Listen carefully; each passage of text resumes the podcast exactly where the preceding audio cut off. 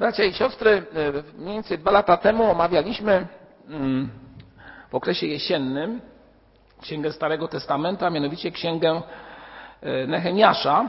Myślę, że wielu z Was pamięta czas, w którym e, wspólnie mówiliśmy o odbudowie murów, murów w Jerozolimie przez ludzi, którzy wrócili z niewoli babilońskiej.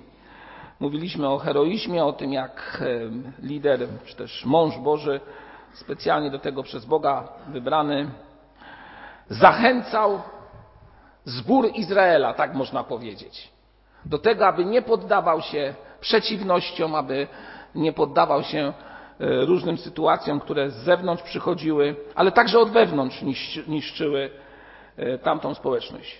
Mury zostały odbudowane. E, w tym okresie jesiennym chciałbym zaprosić Was wszystkich do tego, abyśmy spojrzeli na księgę Malachiasza ze Starego Testamentu. Księga Malachiasza to ostatnia księga Starego Testamentu. Ostatnia księga Starego Testamentu, która, można je powiedzieć, wpisuje się w jakiś sposób też do tych czasów, które omawialiśmy kiedyś. Księga Malachiasza, wyrocznia słowa Pana do Izraela przez Malachiasza.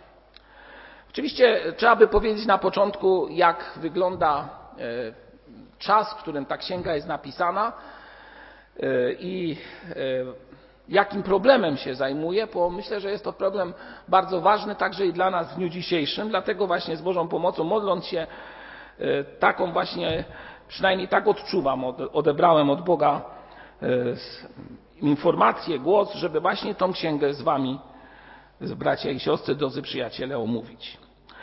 Dlaczego? Dlatego, że mm, księga ta zawiera e, bardzo konkretne i sprecyzowane poselstwo, które było owszem skierowane do Izraela, ale także ma wydźwięk i w dzisiejszych czasach, zresztą jak wiele ksiąg biblijnych. Można zadać pytanie, jakie są tam zawarte główne tematy. A więc po pierwsze, są to tematy związane z problemem, który zaistniał w Izraelu po okresie niewoli. Izraelici wracają z niewoli babilońskiej, e, wracają, można powiedzieć, w trzech grupach. E, Zorobabel, potem Ezrasz, potem Nehemiasz. E, I oni, wracając do miejsca, które zostało zburzone, zniszczone jeszcze w VI wieku przed naszą erą, świątynia legła w gruzach, tą świątynię odbudowują. Następnie są odbudowane mury i następuje taki okres, byśmy powiedzieli, czasu w życiu tych ludzi, który to jest, e, można, można by go nazwać taką mm, małą stabilizacją. O tak, to byśmy określili. Nie są zbyt bogaci, tak jak, nie są może zbyt aż yy, wolni w tym wszystkim, co się dzieje, ale mają tam gdzieś swoich ludzi. Yy, w, w Babilonii konkretnie rządzą tam Persowie w tym momencie. I wydaje się, że wszystko jest dobrze. Księga e, Starego Testamentu została przed nimi na nowo odczytana. E, nastąpiło przebudzenie, e, przebudzenie całego narodu, lecz po jakimś czasie, po jakimś czasie wśród ludu następują, czy też wyłaniają się ludzie, którzy zaczynają kwestionować dobroć Boga. I zaczynają mówić słowa, które między innymi tutaj padają w drugim wierszu Księgi Malachiasza, które brzmią w ten sposób. W czym okazałeś nam, w czym okazałeś nam miłość? Te słowa kierują tak dosyć odważnie, byśmy powiedzieli, do Pana Boga. Jak gdyby kwestionując to, co Bóg im dał. I pytają, w czym, Panie, okazałeś nam swoją miłość? No można je powiedzieć, odważne pytanie, tak? Bo e, któż można e, dyskutować z Bogiem, to po pierwsze, albo też można by powiedzieć, podważyć słowo, czy też dzieła, które Bóg czyni i powiedzieć, Panie, czy na pewno tyle mamy od Ciebie błogosławieństw? Albo, Panie, w czym okazujesz mi tyle błogosławieństw, jak przecież moje ręce dokonują wielu spraw, a mój umysł zdobywa konkretne rzeczy. No właśnie tak zachowuje się Izrael. Będziemy o tym mówić, o, mówić za chwilę.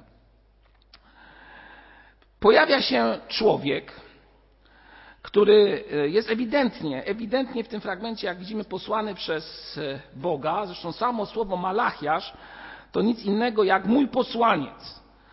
E, posłaniec od Jahwe, tak byśmy powiedzieli, a zarazem pomost między Bogiem a ludem, który, do którego został wysłany ale też można powiedzieć, jest to jeden z ostatnich proroków starotestamentowych, chociaż jak wiemy, ostatnim prorokiem starotestamentowym był Jan Chrzciciel, to jednak po Malachiaszu praktycznie ten głos Boga przez prawie 400 lat nie jest tak wyraźny i tak opisany jak właśnie poprzednie, poprzednie fragmenty.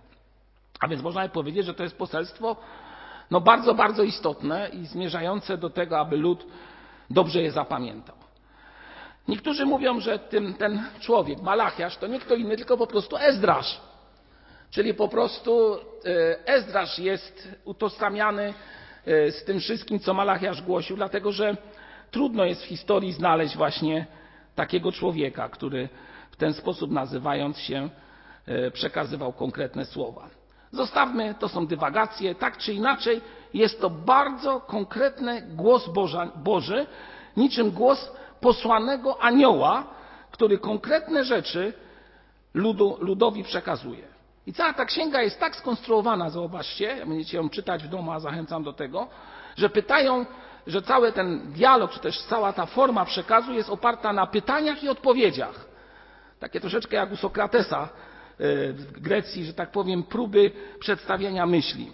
Ale tak jak mówię, problem w Izraelu na którego to problem próbuje odpowiedzieć Malachiasz, też przez głos Boży próbuje napomnieć Izraela, dotyczy czterech bardzo istotnych spraw. Po pierwsze, problem, który istniał w Izraelu praktycznie od momentu, kiedy weszli do ziemi obiecanej, a mianowicie mieszane małżeństwa. Lud, e, wchodząc do ziemi kananejskiej, miał w swoim zachowaniu być całkowicie oddany Bogu i w czystości kroczyć za Nim. Jednak styka się zarówno z ludami ościennymi po prostu z tych ludów, ale też z ludami, które były czy też pozostały w ziemi kananejskiej.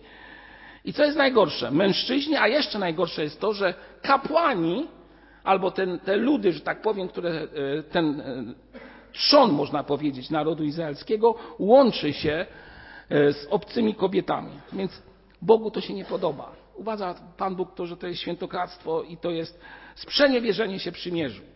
A więc pierwsza sprawa, mieszane małżeństwa. Druga sprawa, która jest dużym problemem w tamtym czasie w Izraelu, do dzisiejszego dnia bardzo często też to funkcjonuje wśród ludzi, a mianowicie nieuczciwość finansowa. Czyli można je powiedzieć takie e, traktowanie Boga E, na zasadzie takiej, ja zarobiłem, ja wiem, ja będę moimi finansami zarządzał, jak ja chcę. Tak upraszczając sprawę, będziemy o tym mówić dokładniej. Trzeci problem, który zaistniał w narodzie izraelskim, to problem związany też z finansami, a konkretnie z oddaniem Bogu dziesięciny. Myślę, że ten problem i pytanie z tym związane do dzisiejszego dnia też wśród nas funkcjonuje. Bo któż z nas nie słyszał E, na ten temat kazań i każdy ma z nas jakieś rozeznanie, jeśli chodzi o swoje serce, właśnie w tej sprawie. A więc problem z przekazywaniem dziesięciny.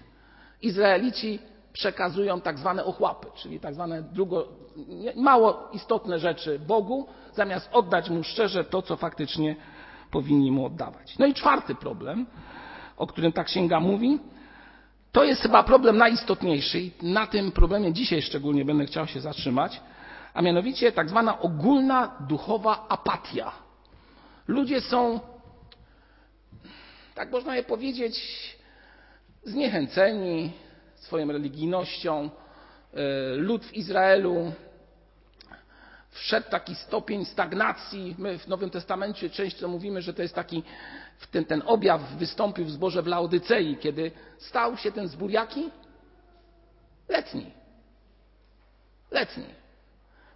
I coś podobnego właśnie istnieje w Izraelu. I te, te sprawy właśnie tak na dużej mierze są poruszane, e, poruszane w tej księdze i e, Malachiasz próbuje właśnie przez te słowa dotrzeć do narodu, który był tak blisko, otrzymał tyle od Boga, a jednak stał się Bogu niewdzięczny. Niewdzięczny. I moi drodzy, gdybyśmy badali historię nie tylko narodu izraelskiego, ale wielu narodów, które coś od Boga otrzymały, to bardzo często jest tak, że pokolenie, które w sposób szczególny doświadczyło obecności Bożej w takich ekstremalnych, można je powiedzieć, trudnych chwilach, czy to wojna, czy jakieś inne wydarzenia, lud ten był bardzo mocno zdeterminowany, bardzo blisko Boga idący, słuchający głosu Boga, lecz gdy następowało takie jakieś rozluźnienie, czy też jakaś e, stabilizacja, tak bym powiedział, okazywało się, że lud odchodził od Boga. Moi drodzy, no, niedaleko będziemy mogli e, znaleźć podobne przykłady, czy to na, w zachodniej Europie, czy też no, w dużej mierze i w naszym kraju, moi drodzy. Także i w naszym kraju. Tak jak powiedziałem, żyjemy w czasach, które to czasy na przestrzeni historycznej, jeśli chodzi o państwo polskie, można nazwać, i wielu historyków tak uważa, że są to czasy najlepsze, jakie Polska miała w swojej historii, moi drodzy. Gdzie jest e, w miarę równomiernie rozłożony dobrobyt, gdzie lud generalnie nie ma zagrożeń, tak zwanych zewnętrznych, chociaż mówimy, czy tam widzimy, że coś się dzieje, ale nie ma to tak zwanego mocnego ekstremum, że już coś. Moi drodzy, zaczyna się w życiu człowieka pojawiać, może nawet niechciane czasami, ale zachowanie, które Boga y, nie traktuje w sposób taki bardzo osobisty. On jest ten Bóg. My go czcimy, ale ta nasza relacja z nim nie jest zbyt mocno zażyła. To tak jak ktoś yy, powiedział mi, czy też sam czasami to widzę, że jesteśmy ludźmi, którzy chcą glnąć do Boga, chcą być blisko Niego, kupują y, różnego rodzaju książki na temat tego, jak Bóg działa, E, Biblię, no teraz mamy, moi drodzy, można powiedzieć, wysyp tłumaczeń biblijnych, tak to mogę powiedzieć. No, po prostu, no chyba w tej chwili już na naszym rynku to jest naście, a może nawet dziesięć, dziesięć yy, bardzo dużo tłumaczeń pojawiło się na naszym rynku. Lud to ma i często jest tak, kupujemy, zajrzymy, odkładamy. A ostatnio usłyszałem takie słowo jednej siostry, która powiedziała do mnie tak w ten sposób. Mówi, bracie, to właściwie jaką ja mam Biblię czytać? Bo ja już nie wiem, jaką mam Biblię czytać. Jest ich tyle, że ja już po prostu nie wiem, co ja mam czytać. Co jest dobre, a każdy mówi, że ta jest najważniejsza, a tamta jest mniej ważna. Moi drodzy, wdziera się to do naszych zborów, do naszego zboru i było to też, jak powiedziałem, problemem problemem tamtejszego zboru, którym był zbór izraelski, tak można by powiedzieć. A więc po wybudowaniu świątyni, która wprawdzie nie, to mówimy o tych czasach Malachiasza, która wprawdzie nie dorównywała wielkością tej świątyni Salomonowej, życie w Izraelu stało się takie spokojne, jednostajne i wyglądało dość dobrze na zewnątrz. Wyglądało dość dobrze. Tak jak powiedziałem, nie byli bogaci, ale jakoś z finansami sobie radzili, i można je powiedzieć, nie było źle. I w tym momencie pojawia się człowiek, który jest przygnieciony ciężarem. I wielu pyta, no chłopie, co ty masz nam do powiedzenia? Przecież my w sumie nie jesteśmy tacy źli. Z nami nie jest tak źle. Zobacz, mamy nawet błogosławieństwo od Boga, po wszystko mamy. Nie powodzi nam się źle. A jednak ten człowiek niesie ciężar. Ktoś by powiedział jakoś tak intuicyjnie, ale to jest złe słowo. Bóg przekazał mu konkretne słowa, czy też przekazał mu konkretną wizję dotyczącą zboru izraelskiego. Zboru izraelskiego.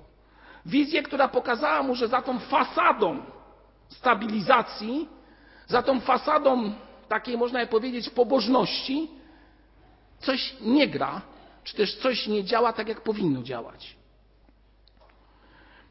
Taka wizja czy też z taką wizją możemy się spotkać na przykład, gdy nasz Pan Jezus Chrystus patrzy na Jerozolimę. Pamiętacie tą historię? I co wtedy się stało, jak on patrzył na Jerozolimę?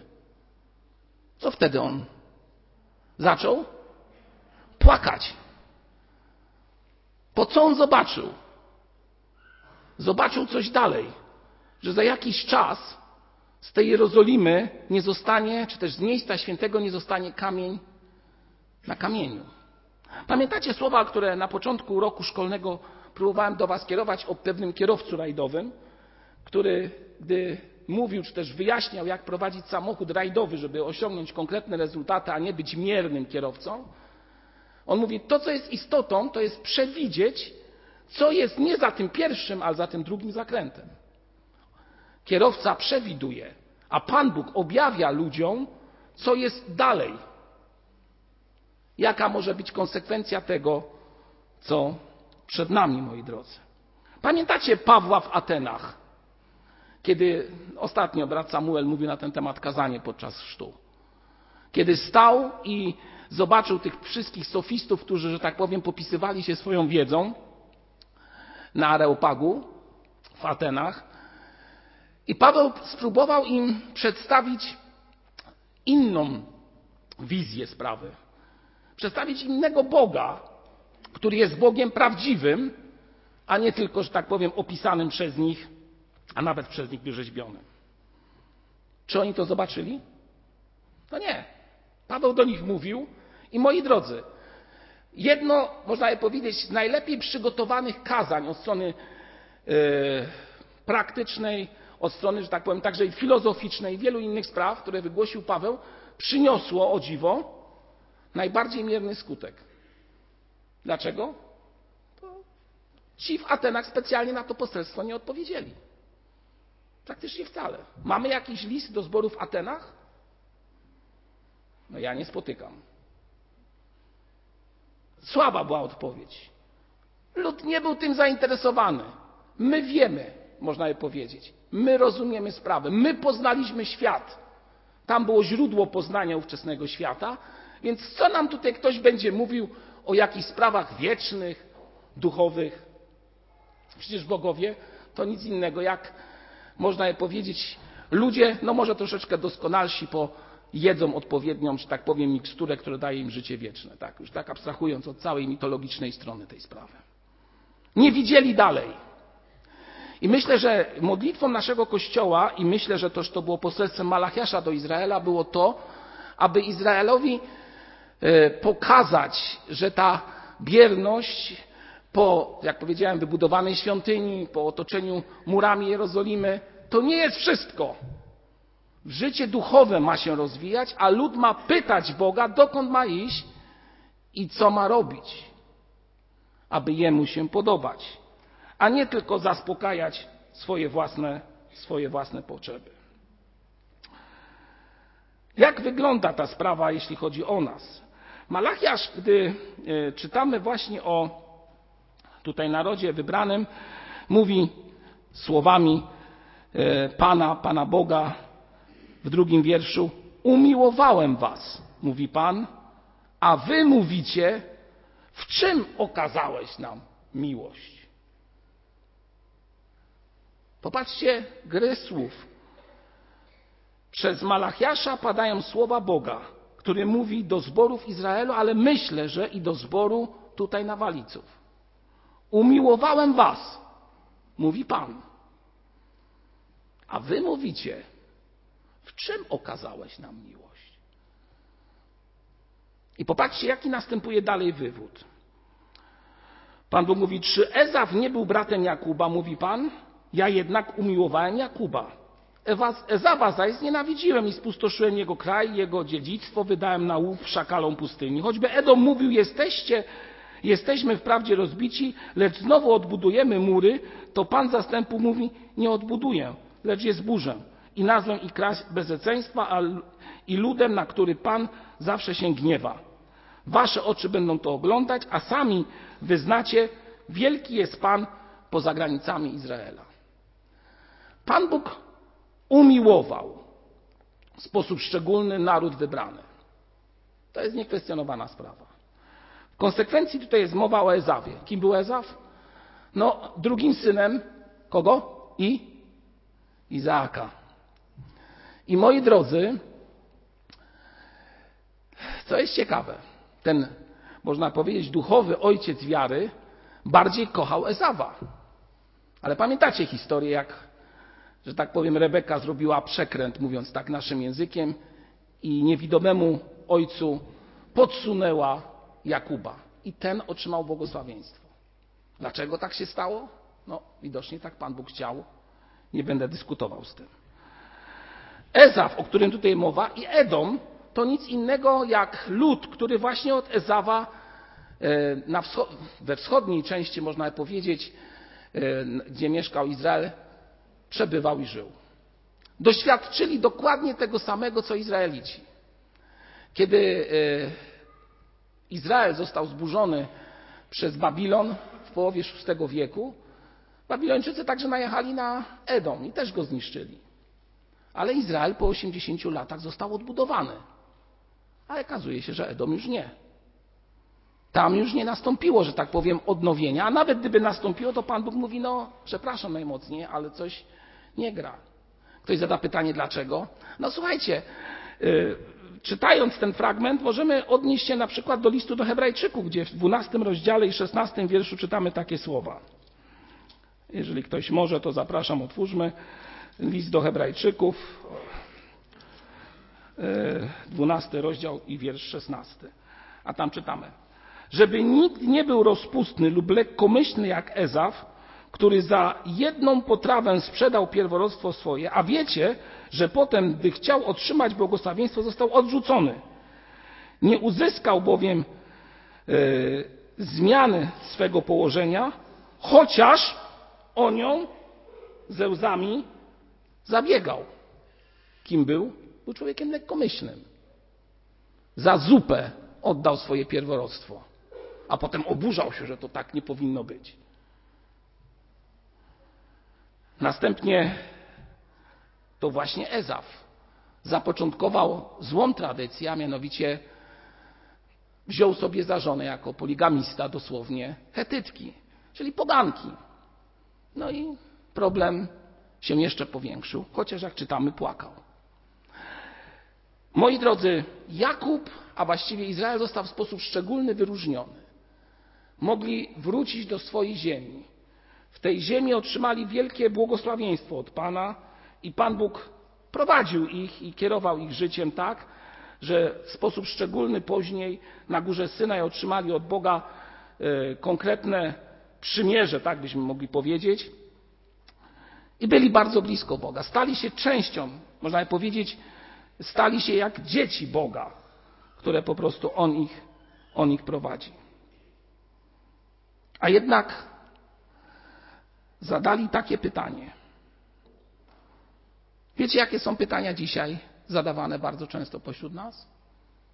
Czy faktycznie Bóg nas kocha?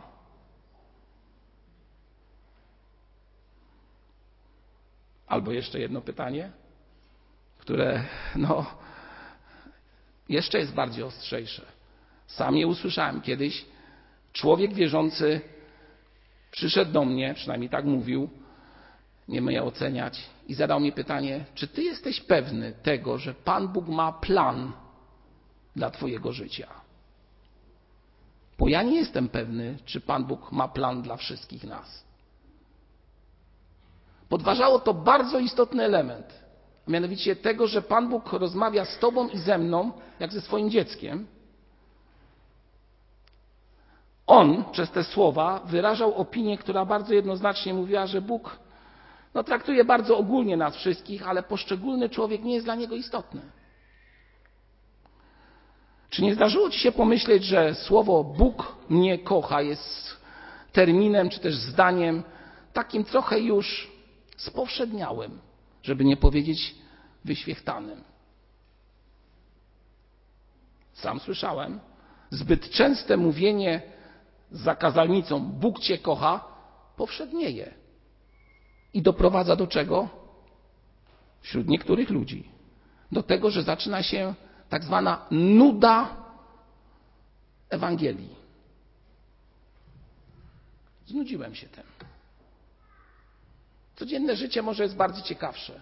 Ile razy można czytać po raz kolejny Ewangelię? Ile razy można wiele rzeczy czynić po raz kolejny i tak dalej, i tak dalej.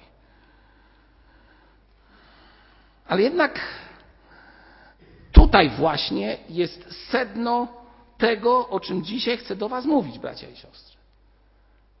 Sedno wdzięczności Bogu za to, co nam dał. Za to, za miejsce, w którym jesteśmy. Za przebaczenie, które w nim mamy. Jeżeli następuje, czy też nastąpiło w Twoim lub moim życiu zobojętnienie, takie określenie ostatnio przeczytałem dotyczące wiary, a mianowicie erozja naszego życia, to zastanów się, czy będziesz, czy też będziemy widzieć dalej, co Bóg chce nam pokazać. Człowiek, który nie jest w bliskiej relacji z Bogiem, choć może być szanowaną osobą, to człowiek, którego ostrość widzenia tego, co Bóg chce, stępiała. A powiem Wam najgorszą rzecz. Obojętność jest zaraźliwa. Moje zobojętnienie działa zaraźliwie na drugiego człowieka. Bardzo prosto. Nie na czymś nie zależy, to po pewnym czasie moim dzieciom nie będzie zależeć, moim przyjaciołom, a może i ludziom z Boża. Bo powiedzą, jak on tak robi, to dlaczego ja? Albo może będą chcieli tą postawą usprawiedliwić swoją. Możemy mieć teologię zapiętą na ostatni guzik. Tak to określę bardzo ogólnie. Czyli możemy mieć wszystko bardzo dobrze uporządkowane i to jest ważne, żeby mieć to uporządkowane. To tak jak ostatnio yy, myślałem o takiej postawie. Jest taki etap w życiu człowieka, pewna dygresja jeszcze, nim zakończę dzisiejsze rozważanie. Yy, młodzi ludzie wychodzą za mąż, żenią się, tak? Wchodzą jak gdyby w kolejny etap swojego życia. Niektórzy mówią, że ten etap powoduje, że człowiek z tej tak zwanej młodości, choć nadal jest młody, ale z tej tak zwanej młodości osobistej staje się już osobą poważną. Podjął krok, ożenił się, wyszła za mąż. Na pewno to jest istotnym elementem w życiu człowieka, bo to są pewne etapy, które musimy, do których musimy, że tak powiem, przywyknąć. Ja też przywyknę, próbuję przywyknąć do pewnych, pewnych spraw, które, że tak powiem, mnie otaczają teraz. I mam świadomość tego, że to jest dobre. To nie jest nic złego. Tylko, że obawiam się w tym wszystkim, patrząc na siebie i na innych, że e, ten proces tak zwanego bycia człowiekiem, czy też osobą wierzącą jako swego rodzaju no, doświadczoną, poważną, e, zagłębioną w słowie czy też w poznaniu, żeby to nie spowodowało, to jest moja modlitwa, wyostrzenia najważniejszej sprawy, a mianowicie ciągłego zaufania Bogu we wszystkich sprawach i trzymania się Go bardzo blisko. Niebezpieczeństwo gonienia za codziennością, niebezpieczeństwo gonienia za wieloma sprawami, które są wokół nas, odsuwa jak gdyby Boga, odsuwa tą bliską relację z Nim, relację opartą na zasadzie ojciec-syn, na zasadzie prostego słowa kocham, w świat dzieciństwa, naiwności wielu takich myśli, które często gdzieś tam mieliśmy w swojej, w swojej głowie, mówiąc, a to jak byłem to, tym na początku wiary, to moja wiara była taka bardzo osobista. Znamy te słowa. A po pewnym czasie stałem się, jak to ktoś określił, filarem w kościele, który nie ma wyostrzonej wiary w Boga. Co to znaczy? Nie jest w stanie w pełni Bogu zaufać. Nie jest w stanie w pełni z Bogu zaufać. No bo po co ufać, jak jestem na etapie takim, że w sumie nie jest źle. Mam pracę, szkołę, nikt teoretycznie nie choruje. Zboże, no w sumie źle się nie dzieje. W kraju spokój. Mogę wyjść, nie muszę stać w kolejce, żeby kupić podstawowe sprawy do mojego życia, jak niektórzy pamiętają jeszcze z okresu dawnych czasów, 30 lat do tyłu. Nie jest źle. Właśnie gdy tak zaczynamy myśleć, obawiam się, że zaczyna się proces erozji i zobojętnienia, braku wyostrzenia tego, co najistotniejsze bycia blisko Boga. A Was i siebie zachęcam, moi drodzy, aby słowa tutaj zawarte, w którym Bóg mówi: Umiłowałem Was, zboże w Warszawie, miłością czystą, przebaczyłem Wam Wasze grzechy, przebaczyłem Wam wszystko, co było związane z Waszą przeszłością. I tutaj nie mówię teraz w sposób ogólny, ależ do każdego z Was umiłowałem Cię, drogi bracie i droga siostro.